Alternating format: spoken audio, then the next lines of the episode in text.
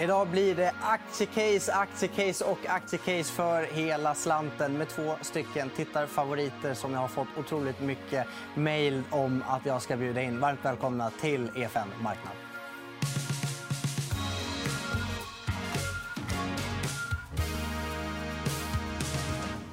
Ja, och då säger jag välkommen till Martin Nilsson och till Henrietta Theorell.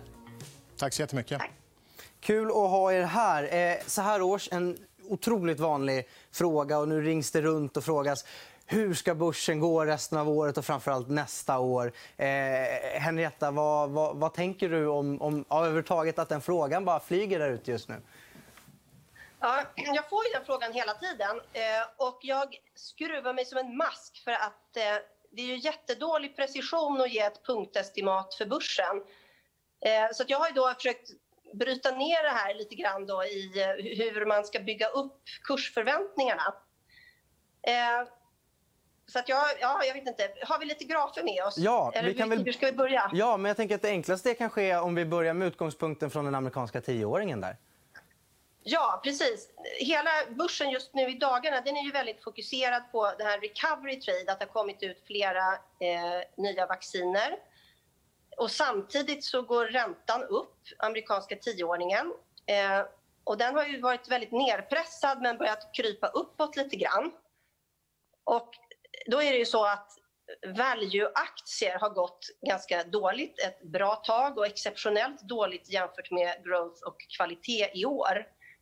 Eh, och den här rotationen in i value triggas av att räntan går upp och det är ju helt teoretiskt och matematiskt korrekt eftersom diskonteringsräntan går upp på dyra aktier. Så att det här håller jag ju med om. Eh, men sen är då frågan hur långt den här value-rotationen ska komma tillbaka. Eh, det finns även ytterligare en graf som jag har med på eh, Nordiska börsen. Det här kommer från Nordeas strategiteam den här grafen visar då i år hur, då, hur mycket sämre de billiga aktierna gått än de dyra. Mm. Eh, så att, ja, det är nästan...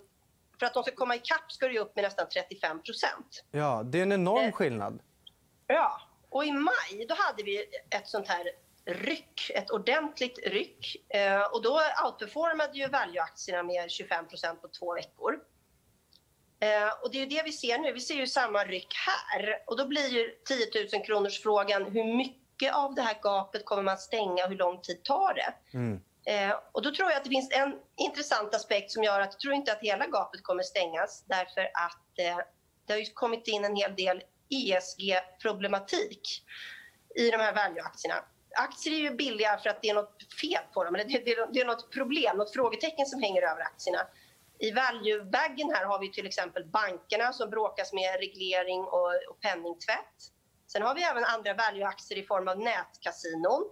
Jag har lite svårt att se att de ska studsa med 100% Om man tittar på Betsson och Kindred, de har ju jättelåga multiplar. Men då är frågan vem som ska, vem som ska välla in i de här aktierna när det är väldigt många institution, institutionella placerare som inte vill köpa dem. Mm. Men, men Mart, Mart, ja. bara för att bryta in. Martin, brukar inte du gilla att handla de här value-aktierna som är här nere och skvalpar? Eh, både och, skulle jag säga. Alltså, jag, jag, jag, jag håller med fullständigt i den analysen. Jag tror att, tittar man på hållbarhetsaspekten så tror jag den är betydligt starkare i, i, i det här segmentet som är lite dyrare bolag. Eh, värt att notera dock att det är väldigt mycket passiva pengar som rör sig just nu. Väldigt mycket korgar. Och tittar jag på de flödena som jag får de senaste veckorna så är det ju liksom, det är säljkorgar av bolag med ganska höga, höga multiplar och det är köpflöden åt andra sidan, precis som vi, vi ser i marknaden också. Så det är väldigt mycket passiva pengar som styr just nu. Däremot, när vi kommer ur det här... Räntan är fortfarande låg. Räntan kommer fortsatt vara låg. Den kommer inte komma tillbaka till trend eh, på länge. Eh, men det betyder inte att den kan, den kan stiga. Vi har fått positiva nyheter när det gäller vaccin. Det driver på. Eh, osäkerheten gällande valet också håller på att kanske ebba ut eller har till och med kanske försvunnit. Så det finns en rad positiva nyheter där ute. Och då borde räntan, allt annat lika, eh, stiga, eh, tycker jag. Å andra sidan så är det fortfarande hög arbetslöshet i världen. så Det finns liksom ingen, ingen, eh, inget tryck på lönerna i systemet. Men att, eh, att, man, eh, att man väljer att allokera in i bolag som har en, en lägre multipel men, men, men där det fortfarande finns en underliggande kvalitet det ser jag som ganska självklart i det här, i det här scenariot. Mm. Men att köpa ohållbara bolag eller skräp det, det, det är ingen rekommendation jag ger. Nej, nej, nej. Men, men Henrietta, räcker det med en låg ränta härifrån? För att value ska gå? Ja. Och är den tillräckligt låg för det? Och, och hur står det sig jämfört med de värderingar som är nu? Ja, eh, hela värderingsresonemanget Ja, det kan man ju... Vi kan, ska vi ta de graferna nu? Här ja, ja, ja, vi bränner av dem när vi ändå är igång. Ja. Hur kör vi på det? Ja. Jo, eh, nästa graf... För att det man brukar säga är ju att ja, multiplarna är ju så höga men nu är ju räntan så låg så de ska vara höga. Eh, och då har eh, Nordeas strategiteam varit snälla och tagit fram en bild på riskpremien på Nordiska börsen. Och för att räkna ut den så gör man, eh, man tar det inverterade P talet och så drar man av tioårsräntan. Eh, och I snitt då har den här riskpremien legat på 4,4 procent och idag ligger den på 3,8. Så rent faktiskt så är faktiskt börsen inte billig ens om man tar hänsyn till räntan. Men det är inte, det är inte extremt. Den ser rätt, rätt ganska normal ut jämfört med genomsnittet. Eh, så att, eh, ja. Ja. Om vi tar och tittar på... Man, ändå, man, har, man har ett stöd, men det är liksom inte ett, eh, det är inte ett fantastiskt stöd. Och Det känns som att lite grann att är det här ja, värderingen klar. Och man kan också se att om, om räntan går upp, ja, det finns inte riktigt utrymme för en massa räntehöjningar därför att det ligger ju redan i kursen att räntan är, ska vara låg. Mm. Om vi tar och kikar på Schillers P tal vad tänker du om eh, det? Ja, den där grafen, jag har fått den från Google och den kan man prata länge om. Eh, jag rådde mig med att läsa någon jättelång utredning som gick tillbaka till 1881 när man har då gjort korrelationsanalyser på olika ingångspunkter. Eh, det första man kan säga då är att ja, det är högt, det ser man. Det är bara att läsa innantill på den här grafen, 32,68. Eh, det är den högsta decilen någonsin då av alla observationer sedan 1881. Sen så då kan man plotta då, den här författaren hade gjort ett fantastiskt arbete med att eh, plotta eh, ingångsvärden och vad får du för förväntad avkastning på ett år, och fem år och tio år när du går in på de här värdena. Eh, och då är det så att börsen är så otroligt svängig så att på ett år så spelar värderingen i princip ingen roll. Om du tar Schillers P tal och försöker lösa ut vad du får för ettårsavkastning ja, då har du en eh, samvariation på 0,03. Så alltså, det förklarar i princip ingenting. Börsen styrs på kort sikt av helt andra saker än värdering. Eh, på tio års sikt då är fortfarande sambandet ganska dåligt. Det är bara en, en R-squared på 16 vilket innebär att ja, P-värdering förklarar 16% av eh, börsens utveckling. Eh, men över tid så är det i alla fall så att 2% förväntad avkastning får man. Så man får alltså ganska dålig avkastning även på lång sikt när man går in på de här värderingarna. Eh, därmed inte sagt att det behöver bli så dåligt. För om jag skulle göra ett punktestimat för börsen då skulle jag tänka att ja, du börjar med Schiller och så säger du 2% på ett år. Och jag är småbolagsfondförvaltare så jag förvaltar eh, små, svenska småbolag har gått 3% bättre än storbolag i snitt de senaste tio åren. Så då är jag lite snäll och säger att småbolag går 5 eh, och Sen är då standardavvikelsen väldigt hög i småbolag, 18 standardavvikelse om, om året. Så då får jag ett eh, utfallsrum som är plus minus 18% Så då hamnar jag mellan minus 13 och plus 23. Så det är rangen för vad det här kan falla.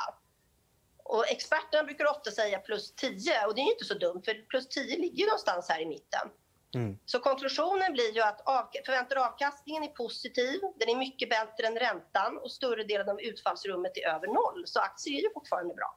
Vad tänker du om det här, Martin? Nej, men jag, jag håller med. Alltså, aktier, jag tycker fortfarande aktier är jättebra. Eh, och, eh, jag, jag, tror de som kom, om räntan går upp och du har ett mer positivt globalt konjunktur Eh, fenomen. Eh, så ja, de, här värst, de bolagen med värst multipel kommer ha det lite tufft. Du kommer att se en multipelkontraktion, men börsen som helhet tror jag kan utvecklas ganska väl i den här. Varför skulle du inte göra det om tiderna blir bättre? Mm. Eh, Så låt oss vara lite optimistiska. Ja, ja, men jag, jag blir glad. Här. Jag är ändå två optimister. Eh, och, det, och jag är ganska allt som oftast optimistisk själv. Eh, jag tänkte vi ska gå, och prata, gå vidare och prata lite eh, om, om faktiska bolag. Eh, jag tänkte vi skulle börja och prata om ett bolag som har haft ett fantastiskt år, eh, nämligen Embracer. Det är ett bolag som du gillar, Henrietta. Och, och du tycker att man kan göra en, om man, ett väldigt kul uttryck som jag hoppas det är okej att jag snor av dig, en asgams-trade här. Ja, därför jag tänker lite så här att man ska göra... Man kan ju tänka på två saker när börsen beter sig som den gör. Eh, den ena saken är ju då att fundera på om man kan putta in lite value i sin portfölj. Och den andra saken det är om man kan få andra chansen på aktier man har missat. Eh, och Embracer är ju absolut en sån här aktie som åker ut när de här säljkorgarna kommer. Jag får ju precis som Martin då massa förfrågningar hela tiden för folk vill sälja. Eh, och om man bara tittar på P-tal och man gör en vanlig P-talssortering på Embracer då ser det ju dyrt ut på i år. Den ligger ju över 100. Men det där P talet det ramlar ju ner till 25 om man drar ut prognosen två år. Och jag tycker inte att man ska betala 25 gånger vinsten för någonting som växer 50% så det är alldeles för billigt. Så att det här är då ett köptillfälle i mina ögon. Eh, om man bara, det är 11 analytiker som följer det här bolaget och idag är det 25% genomsnittlig uppsida till riktkurs. Så jag är ju inte ensam om att tycka det här. Sen har vi en väldigt intressant teknikalitet med Embracer som de är ganska ensamma om.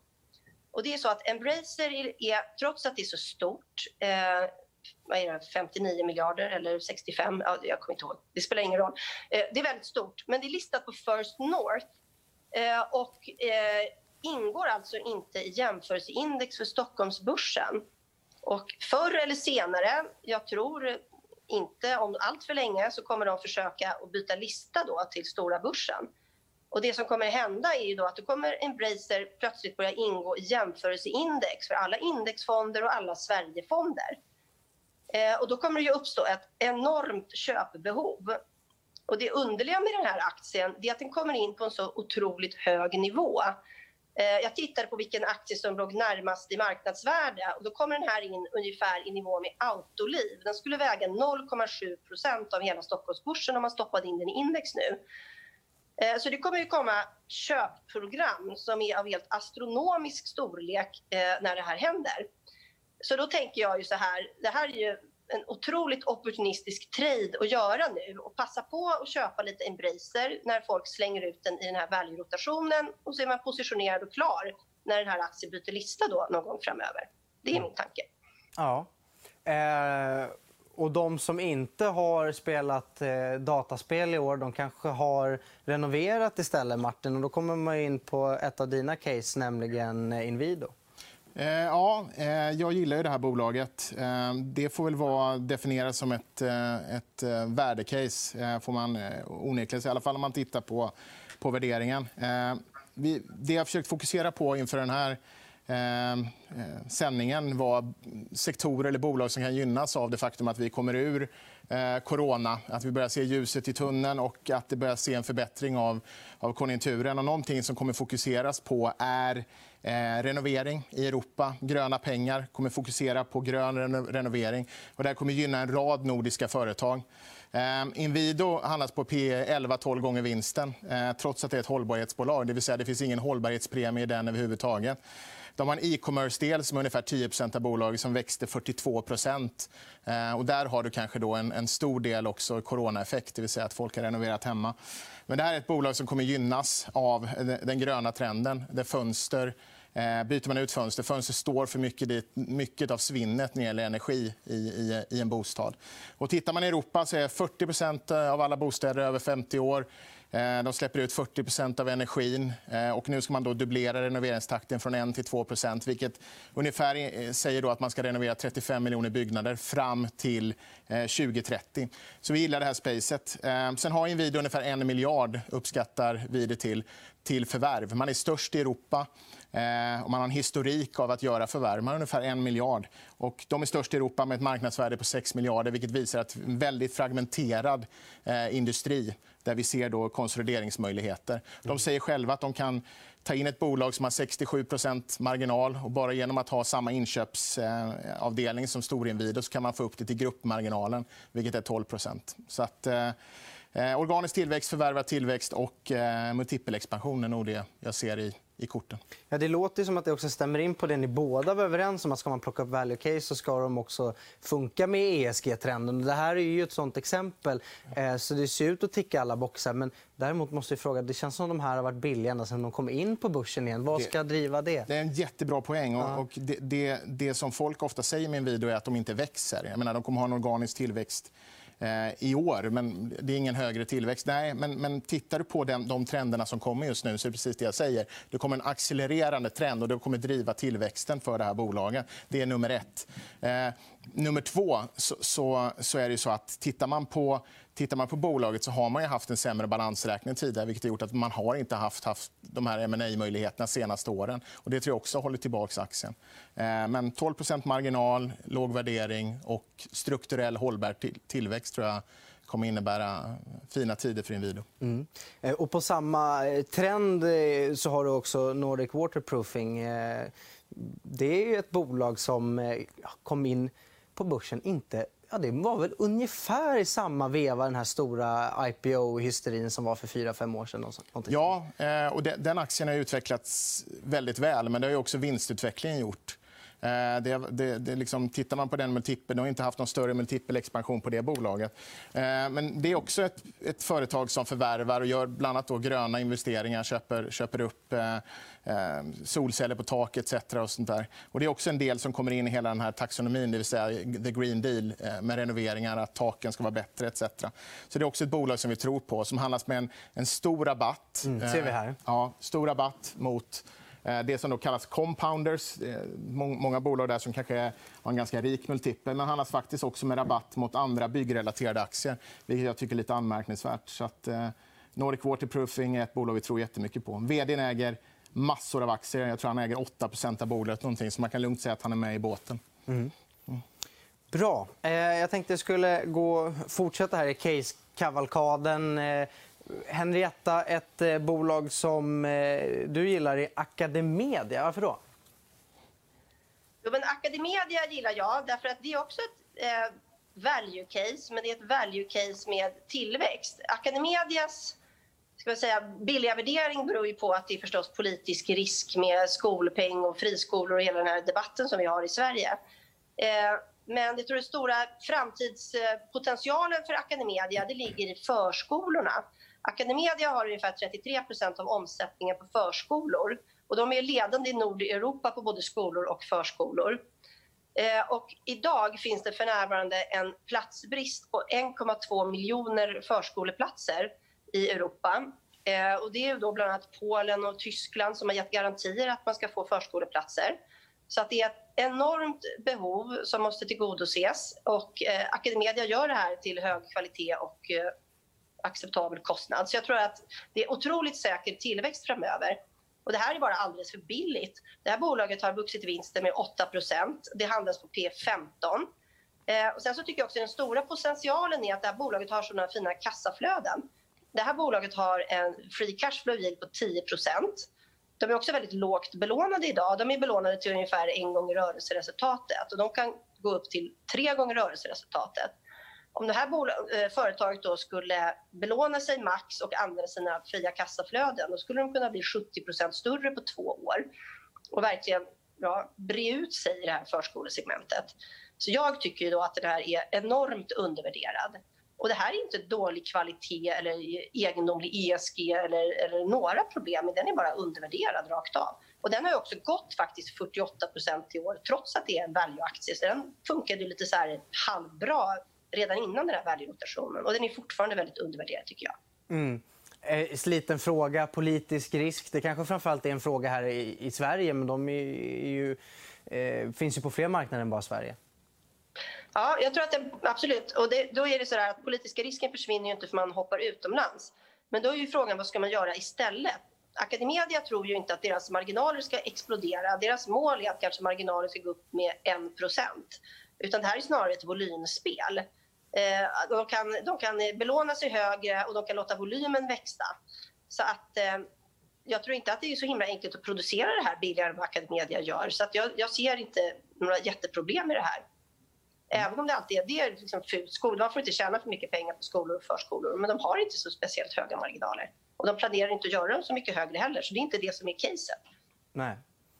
Bra. Eh, vi går vidare. och I ett år som har varit... Eh, ja, det har varit teckens år, det har varit Fangs år så ska Martin Nilsson bryta av med lite härlig gammal hedlig industri. Eller hur? Jag tänkte det. Ja, äntligen. För julen. Ska vi börja med Metso och Ototech? Eh, det kan vi göra. Det är, ett, det är ett, eh, två finska bolag som har slagits ihop. Eh, och, eh, finska staten var huvudägare. Också Christer Gardell sitter med i, i Metso. Och det här är ett bolag som då är, framför allt säljer utrustning och teknik till gruvindustrin. Eh, kommer oftast extremt högt, eller gamla Ototech kommer extremt högt, högt upp på alla såna ESG-ratingar. Eh, för att man säljer då och effektiviserar en ganska smutsig industri, eh, traditionellt sett. tittar man då på, här, här ser ni till exempel deras exponering mot olika metaller så är koppar den största. Och just nu när det gäller metallmarknaden, vi kommer in på ett annat bolag relaterat till det. Så är, skulle du frågat mig att du har en pandemi, en global recession och och eh, att kopparpriset skulle vara över 7 000 dollar så skulle jag nog sagt nej. Eh, men tittar man på, på den här marknaden... Så du hade det... trott jag var galen om ja, jag hade sagt det. det hade jag absolut eh, trott. Du hade aldrig velat komma tillbaka hit om jag hade sagt det. Det hade jag gärna gjort. eh, men, eh, nej, men det, det, är en otroligt stark marknad eh, som drivs av faktiskt bättre efterfrågan än förväntat. Också geopolitisk risk. Chile som en stor producent har, har eh, vissa problem. men sen är det också en svagare dollar som gör att de här metallpriserna tickar upp. Eh, men sen har du, när vi kommer ur det här så är det många av de här metallerna eh, som också det här bolaget har sin underliggande exponering är ju batterimetaller eller som kommer behövas i elektrifiering. Även koppar är ju det. Och det kommer driva tillväxten. Just nu så ser ni här att batterimetaller är bara 10% av Mets Ototex eh, exponering. Men det lär ju bli mer. Det blir, lär bli mycket mer. Och det är det som växer framför allt. Eh, sen har man också en fjärdedel av exponering mot det som är aggregate. Så det är framförallt byggexponering. Det är mobila krossar är man världsledande på. Så jag tjänar bra med pengar. Eh, det här är ett bolag som eh, hade kapitalmarknadsdag ganska nyligen och redovisade då sina marginalmål. Och det är betydande synergier när man slår ihop de här två finska jättarna. Det är ju två bröder eller kusiner som, som slås ihop. Eh, så det är betydande synergier eh, som kommer driva lönsamheten tillsammans med en, en bättre utveckling för, för sektorn. Vad tror du? Kan det bli en så finsk finindustripärla? Jag hoppas det. Ja. Jag hoppas verkligen. Man, har ju, man är ju olika stark på eftermarknaden, men finska bolag generellt sett är väldigt stark just på eftermarknaden. Och det är en av de delarna som man också kommer försöka växa betydligt mer. Framförallt Metso var bra på det innan, kanske Ototech var lite svagare. Men nu är det liksom ett bolag och så, så kör de. Så de blir en global ledare inom sin nisch. kan man säga. Men det är väldigt beroende av att den allmänna konjunkturen kommer igång 2021, antar jag? Absolut. Ja. Självklart är det det. Eh, de drivs av orderingång, precis som, som, som, eh, som alla andra. Men tittar man nu på, på gruvbolagen eh, och tittar på deras capex i förhållande till intjäning så, så har de nästan aldrig investerat så lite som de gör just nu. Eh, och med tanke på att priserna går upp hela tiden så brukar det kicka igång. Och det jag tror bolagen kommer göra då, de stora jättarna, är framförallt fokusera på organisk tillväxt. Eh, vilket de inte har gjort. Historiskt sett har de gjort det ibland, men oftast har de försökt köpa varandra. Men att köpa varandra är, finns inget värde i egentligen, utan eh, det blir nog fokus på organisk tillväxt. Mm. Eh, och på samma tema då, Boliden. Ja. Eh, ja, det är en aktie som kanske är den, en av de som har varit vinnarna de sista dagarna i den här rotationsspelet. Jag förstår varför. Tittar man på förväntningarna på, på Bolidens vinst eh, så ligger ebit eh, strax över 8 miljarder eh, för nästkommande år. Och just nu med de priserna som ligger inne så taktar man Eh, en bra bit över 11 miljarder. Så det är 30% uppsida på, på estimaten förutsatt att de här priserna ligger still. Och det vet vi, har vi ingen aning om. Eh, men Boliden är lågt värderad, eh, låg politisk risk, eh, har sina gruvor i Europa, extremt välskött. Eh, låg kostnad etc. Eh, och fokuserar också på att förbättra sin ESG-stämpel, framförallt då med elektrifiering av sin, sin eh, fordonsflotta men också robotisering nere i gruvorna. De ligger långt framme där. Eh, så det här är ett, ett, ett bolag som då producerar de här eh, batterimetallerna och de metallerna för elektrifiering som vi kommer behöva. Mm.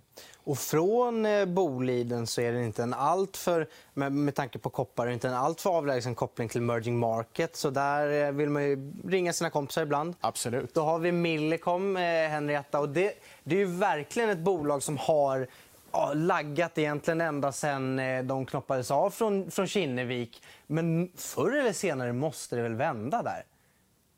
Ja, eh, Millicom kom in i min portfölj i maj när det var den här value som drog igång förra gången. Och då är det så att Millicom har blivit nedtryckt då av, ja de spanns av och det gick inte att sälja det och det funkade inte med eh, en merger som man hade tänkt göra. Sen ramlade den ur index. Så det, bara, det var bara el, smocka på smocka som tryckte ner den här aktien. Och sen så kom corona. Så att, eh, ja, den var väl ner 35 year to date som värst när jag klev in i den här aktien. Eh, Millicom är då en mobiltelefonoperatör i Latinamerika. Eh, de har nio marknader där eh, Paraguay och eh, Colombia är de största. Så det, är, det är riktigt emerging markets detta. Eh, de har plats nummer ett eller två i, de, eh, i sju av de nio marknaderna, så de är väldigt stora. Och caset med Millicom det är ju att de har så enormt goda kassaflöden. De har redan investerat då i alla de här eh, telelinjerna Eh, och alla de här spektrumauktionerna. De har en cashflow yield på ungefär 10% om året. Och då, eftersom det här är en emerging markets-aktie med massa valutarisker och landrisker och så vidare så brukar det här ofta handla väldigt billigt. Det brukar handlas på sex gånger rörelseresultatet. Det var nere på fem gånger rörelseresultatet och handlade.